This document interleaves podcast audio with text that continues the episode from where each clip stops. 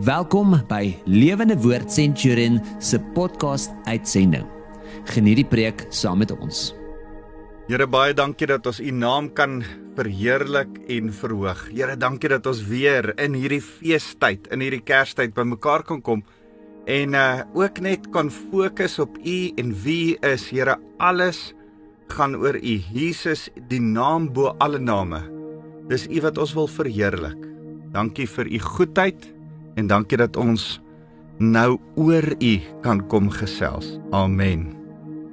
Nou ja, my naam is Wouter van der Merwe. Ek's van Lewende Woord uh Centurion en dis vir my so lekker dat ek weer saam met jou kan kuier en uh, uh ek besef ons is in hierdie feestyd en en ek het regtig ervaring. Ek dink ek het verlede week met julle daaroor gesels dat ons in 'n tyd is waarin ek regtig ervaar dat die Here vir ons sê Dis 'n tyd van fees en vreugde en waarin ons opgewonde moet wees waaroor die Here uh met ons wil gesels oor um dat dat ons in hierdie tyd uh, hierdie seisoen van vreugde ook met mekaar gesels met mekaar verhouding bou en met mekaar versoen. Nou ja, in die lig daarvan wil ek met julle praat oor 'n besonderse mens wat ek dink eintlik in die hele Kersstorie inpas. Jy weet altyd daai daai nativity scenes, daai daai 'n uh, uh, mooi krib wat die mense in hulle huise sit met die paar skapies en beeste en Maria en die en die babietjie en Josef en die wyse manne en die herders, daai hele ding.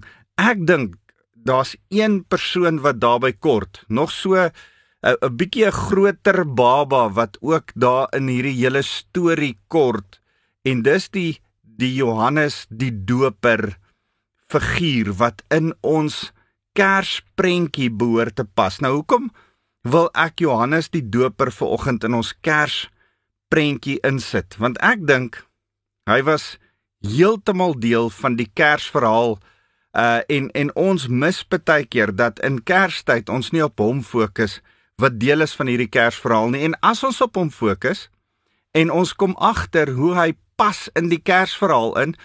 Nou kom ons ook agter dat ons in die Kersverhaal soos hy 'n rol het om te speel om Jesus aan te kondig want want want dis wie hy was. Ek wil vir jou hierdie gedeelte lees.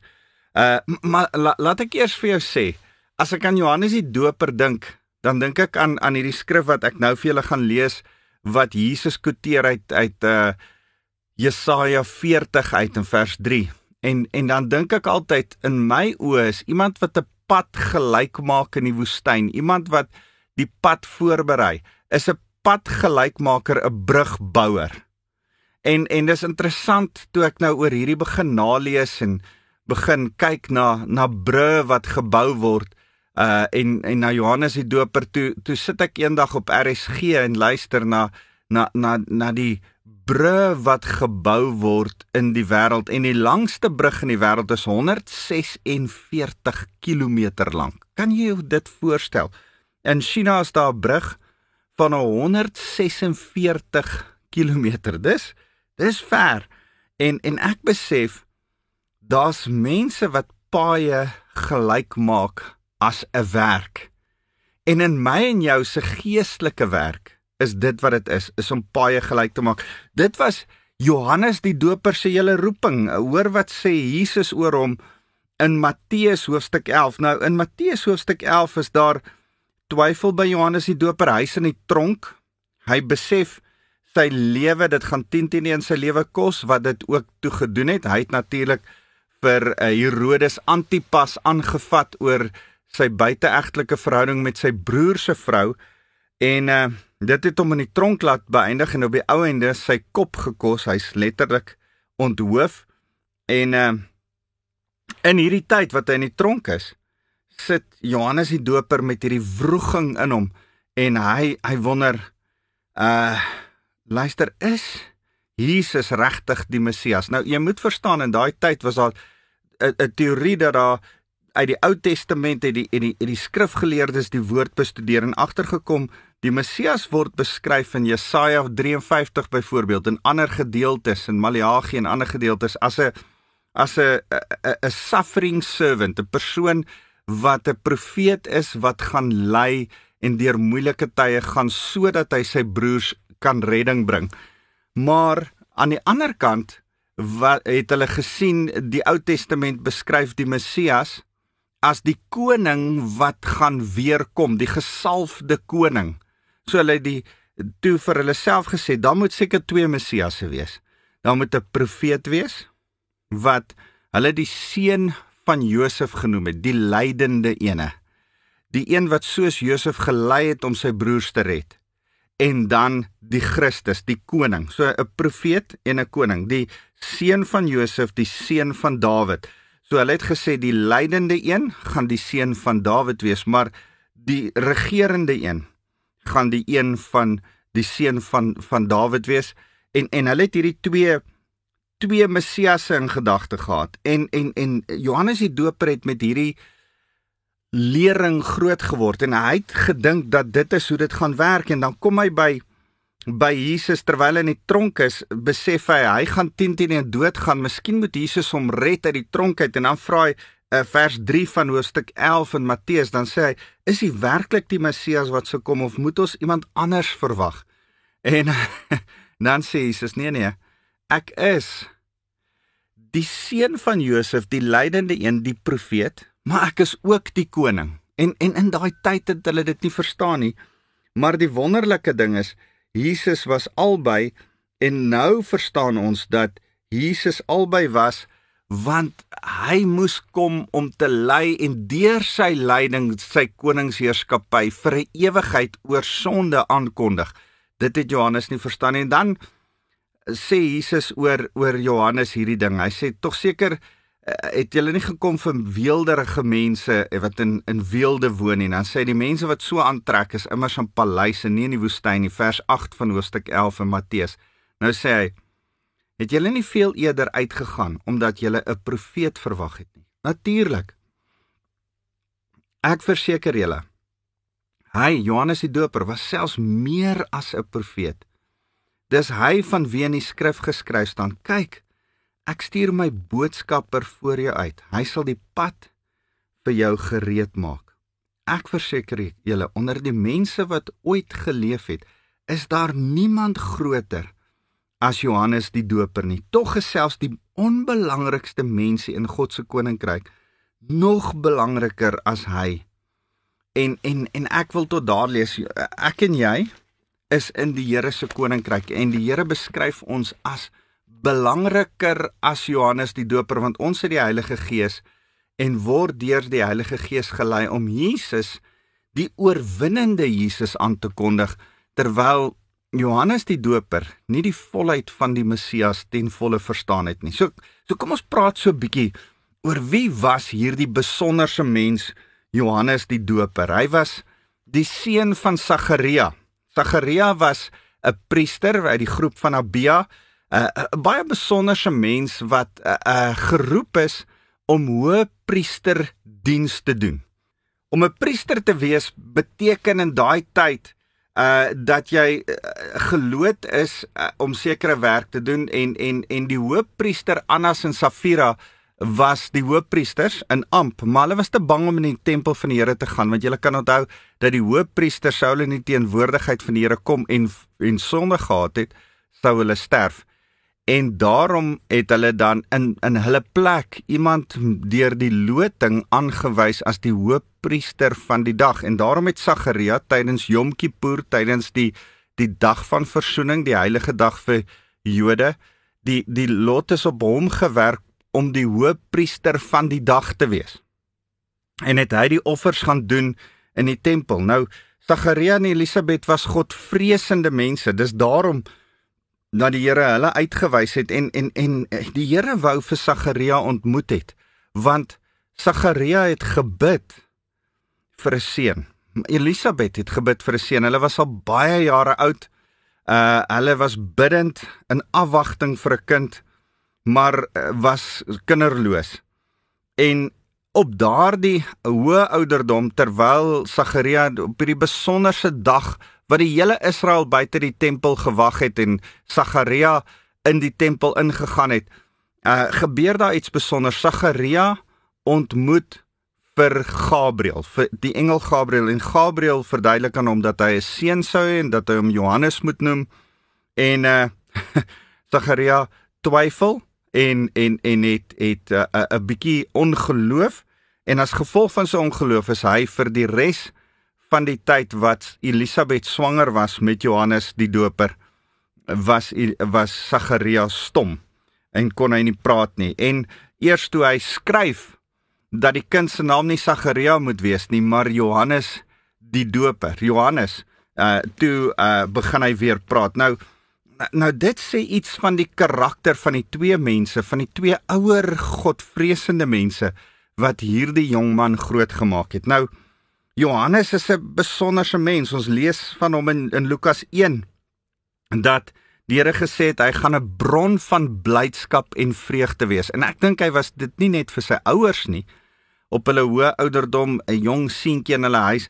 Ek dink hy was dit vir die hele Israel. Hy hy was 'n 'n vreugdevolle mens. Ek dink altyd die prentjie wat ek in my kop gehad het van Johannes die Doper is dat hy hierdie ernstige, stroewe ou was wat nie gesmile het nie, maar maar as ek die skrif lees, dan staan daar hy het vreugde en blydskap gebring. Ehm um, hy was groot in die oë van die Here. Uh die die Here het hom uh, geweldig hoog geag. Dis vir my so mooi as jy Lukas 1 lees en begin besef hoe die Here so lief was vir uh, Johannes die Doper en uh, dis ook omdat hy toegewyd aan die Here geleef het. Hy was 'n Nasareer wat ons uit die skrif uit agterkom. Hy het nie wyn of bier gedrink nie. Dit was 'n belofte wat sy pa gemaak het aan aan Gabriël. Um hy het ook dus uh, 'n heilige lewe voor die Here en gereeld gevas. Ons weet uit uit latere oorlewering dat dat dat sy disippels soos die fariseërs op maandag en donderdag gevas het uh en en en uh, toegewyd was aan die Here. Hoor so 'n bietjie mooi hoe wat sê Lukas 1 vers 80. Johannes het groot en sterk geword in die gees en hy het in die woestyn gewoon totdat sy bediening onder Israel begin het. So Hy het in die woestyn gehoor ons on, gewoon ons ons ons lees in die skrif hy het kameelhare gedra en van sprinkane en heuning geleef. 'n 'n 'n snaakse dieet as hy geëet het, as hy nie gevas het net hy snaakse dieet gevolg. Snaaks met stinkende klere rondgeloop. Hy was 'n askeet. Hy was 'n 'n snaakse mens. Soveel so sê Jesus in Matteus 11 dat die mense van sy tyd hom duiwel besete genoem het. Ehm um, maar hy was 'n persoon wat ons agtergekom het 'n geestelike herlewing in Israel teweeggebring het want hy het uitgegaan en geskree bekeer julle kom reg draai om hou weer die die wette van die Ou Testament. Hy hy het hierdie uitgeroep want dit was sy bediening voor die koms van Jesus Christus. Voordat Jesus moes kom kom kom praat en sê eintlik uh kan jy nie goed genoeg lewe nie al wil jy die wet hou moes iemand eers kom sê probeer weer die wet hou uh en en dis wat hy dan kom doen het hy het kom aankondig oor die leef reg voor die Here um hy was 'n dis 'n persoon wat verzoening gebring het ek dink so aan 2 Korintiërs 5 vers 18 wat sê die, dat die Here ons roep tot 'n bediening van verzoening sy lewe was 'n lewe van versoening om Israel met God te versoen. Dis hoekom hy ook dan Elia genoem is. Jesus noem hom die die die Elia na aanleiding van 'n profetiese woord in Maleagi 4 vers 5 tot 6 wat sê in die laaste dae sal Elia kom en hy sal vaders se harte met hulle kinders versoen en en dis dan ook die profesie oor uh, Johannes die Doper se lewe. Nou om om mooi te kyk, wil ek vir jou sê, hy was so 6 maande so so 3 maande ouer as as Jesus en uh hy uh, dit dit lyk nee, hy was so 6 maande ouer as Jesus. Dit lyk asof hy in Julie gebore was en die Katolieke vier nou nog Julie maand uh as as sy geboorte, as sy sy sy dag wanneer Johannes die Doper gebore is.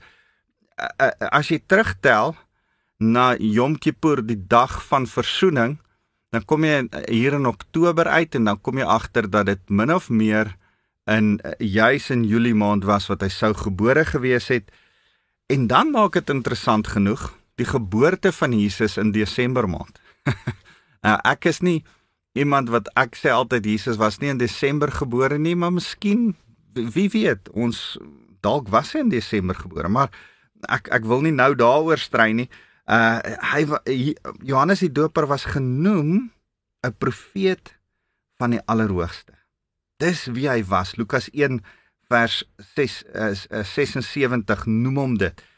En uh hy roep Israel tot 'n sondebesef, tot 'n berou om tot vergifnis te te vra tot tot die Here. En uh hy was dapper en reguit. Hy het nie geskroom om selfs die koning, hy het die fariseërs aangevat en op 'n stadium die fariseërs 'n 'n 'n 'n adders nes genoem. Hy het die soldate, die Romeinse soldate van sy tyd aangevat. Hy het die mense geroep tot bekering. Hy het selfs die koning, koning Herodes, aangevat en gesê: "Kan nie aangaan met jou sonde nie. Hy het dit nie hy het dit nie een keer gedoen nie. Hy het dit meer as een keer gedoen en so in die tronk opgeëindig. Hy was 'n dapper en reguit man wat gestaan het vir die waarheid. Hy het sy eie disippels gehad in Matteus 14 vers 12 kom ons agteruit sy eie disippels gehad van wie die interessantste een Andreas was. Andreas die broer van Petrus toe uh, uh, Johannes die Doper vir Jesus doop en met sy doop aankondig kyk daar's die lam van God. En en en die disippels sien hoe die hemel oopgaan en Vader God sê hierdie is my seun en wie ek welbehaag toe Andreas en nog 'n disipel wie se naam ons nie ken nie het toe besluit om nie meer die disippels van Johannes die Doper te wees nie maar nou die disippels van Jesus te wees en van toe af het hulle Jesus gevolg en natuurlik het Andreas sy baie bekende broer Petrus gaan haal en hulle twee het saam Jesus gevolg. Maar kyk hoe mooi is dit dat dat Johannes die Doper Andreas na Jesus toe gelei het. Andreas het hier het Petrus na Jesus toe gelei en Petrus op met sy eerste preek lei 3000 mense in Handelinge hoofstuk 2 na Jesus toe. Is dit nie mooi nie? Uh, uh, ek dink altyd so aan aan aan wie jy na Jesus toe kan lei en wie hulle weer na Jesus toe gaan lei en wie hulle weer ek ek sê altyd een van my groot heroes in die skrif is uh Ananias van Regheidstraat. Hy het net een persoon wat ons van weet na die Here toe gelei, maar dit was Paulus.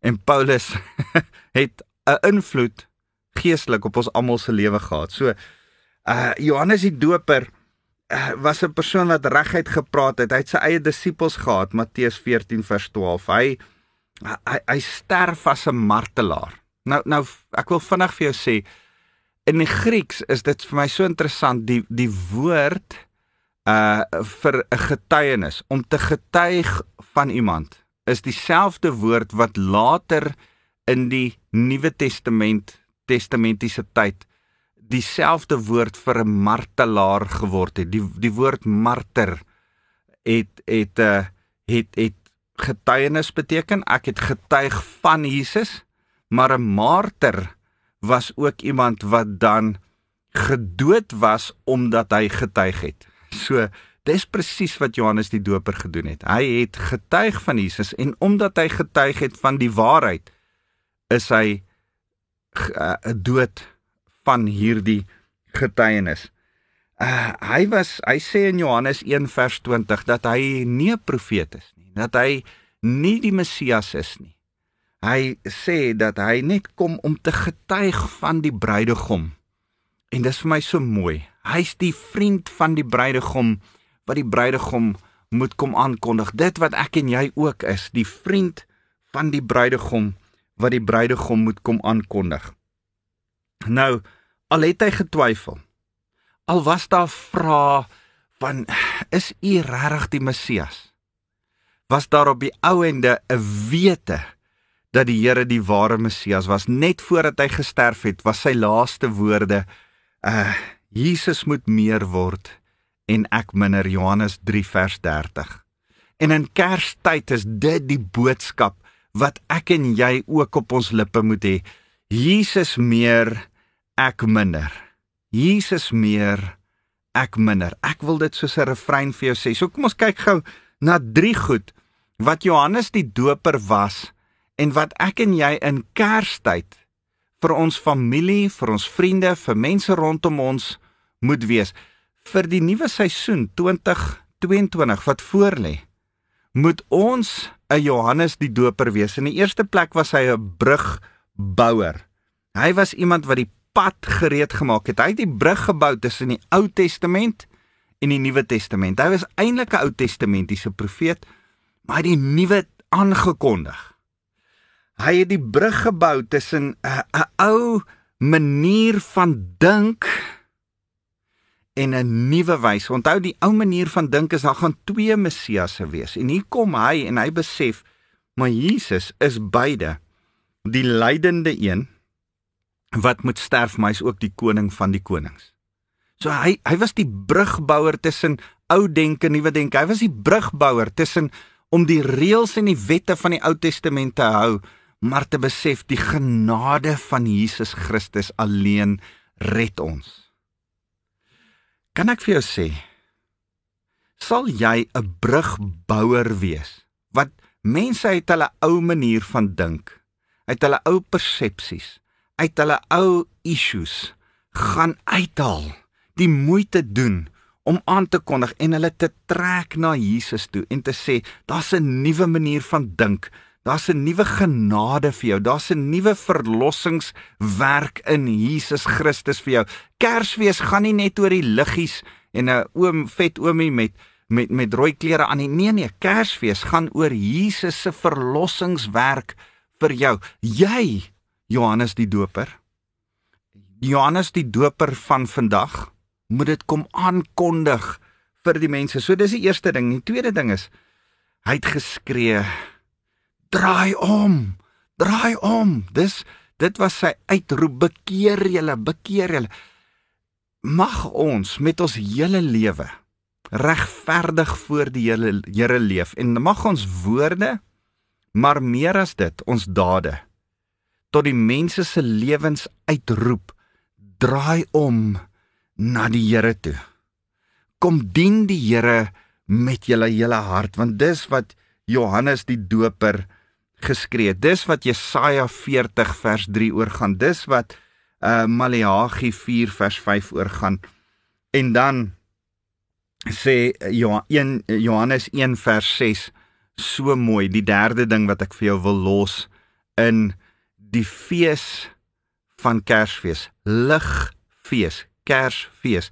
Mag elke keer as jy die liggie sien skyn en in die winkels die liggie sien flikker en al die ligte, mag hierdie by jou bybly. Mag dit by jou vasbly dat Johannes die Doper gesê het, ek is nie die lig nie, maar ek het gekom om te getuig om onthou die woord getuienis is 'n martelaar om 'n martelaar te wees om te getuig van hom uitgebrand te raak ek is nie die lig wat vir altyd gaan brand nie. Ek is een wat uitgebrand gaan raak in my skyn. Want ek skyn eintlik op die lig. ek dink aan daai Psalm 36 vers 10. In u lig sien ons die lig. Nou ja, die lig is Jesus. En hy Johannes die Doper sê ek kom om eintlik net sy lig te reflekteer. So ietsie van die maan wat die son se lig net reflekteer. Die maan het nie lig van sy eie nie. Hy reflekteer net die son se lig vir ons in die donkerste nag. Nou net so in mense waar daar duisternis is in moeilike omstandighede. As jy die liggie sien, dan besef jy ek is 'n lig. Ek is nie die lig nie. Ek getuig van die lig van Jesus Christus en ek wil dit vir jou hier in Kersfees los en dan wil ek jou uitnooi om soos Johannes die Doper te kom sê uh ek moet minder word en hy meer Jesus meer ek minder oor Johannes die Doper het Jesus interessant genoeg gesê dat jy het uh, gedink dat hy na julle pype gaan dans en jy het gefluit gespeel en gedink hy gaan na julle pype dans en hy het nie. Hy het by die waarheid gebly en gehou.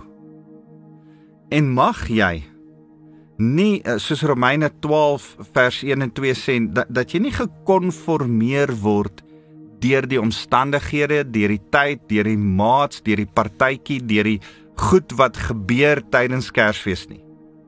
Maar mag jy hervorm word, mag jy vernuwe word, mag jy die een wees wat die lig so skyn dat jy die lig op Jesus skyn en mense deur jou lewe sal hoor wat die waarheid is en Jesus Christus dan in Kerstyd sal volg. Mag jy 'n Johannes die Doper wees wat sy hele lewe in Kerstyd skree, Jesus meer, ek minder. Here, ons wil U kom loof en eer dat U die een is wat 'n plan gemaak het om die boodskap, die goeie nuus by mense uit te kry, mense wat se ore toe is. Here, die manier, die die die manier is nie 'n bonatuurlike engelekoor wat gaan kom sing nie. Dis nie een of ander boodskap wat in die hemel geverf gaan word nie. Die manier is dat ons gewone mense, soos Johannes die Doper, sal sê Jesus meer, ek minder.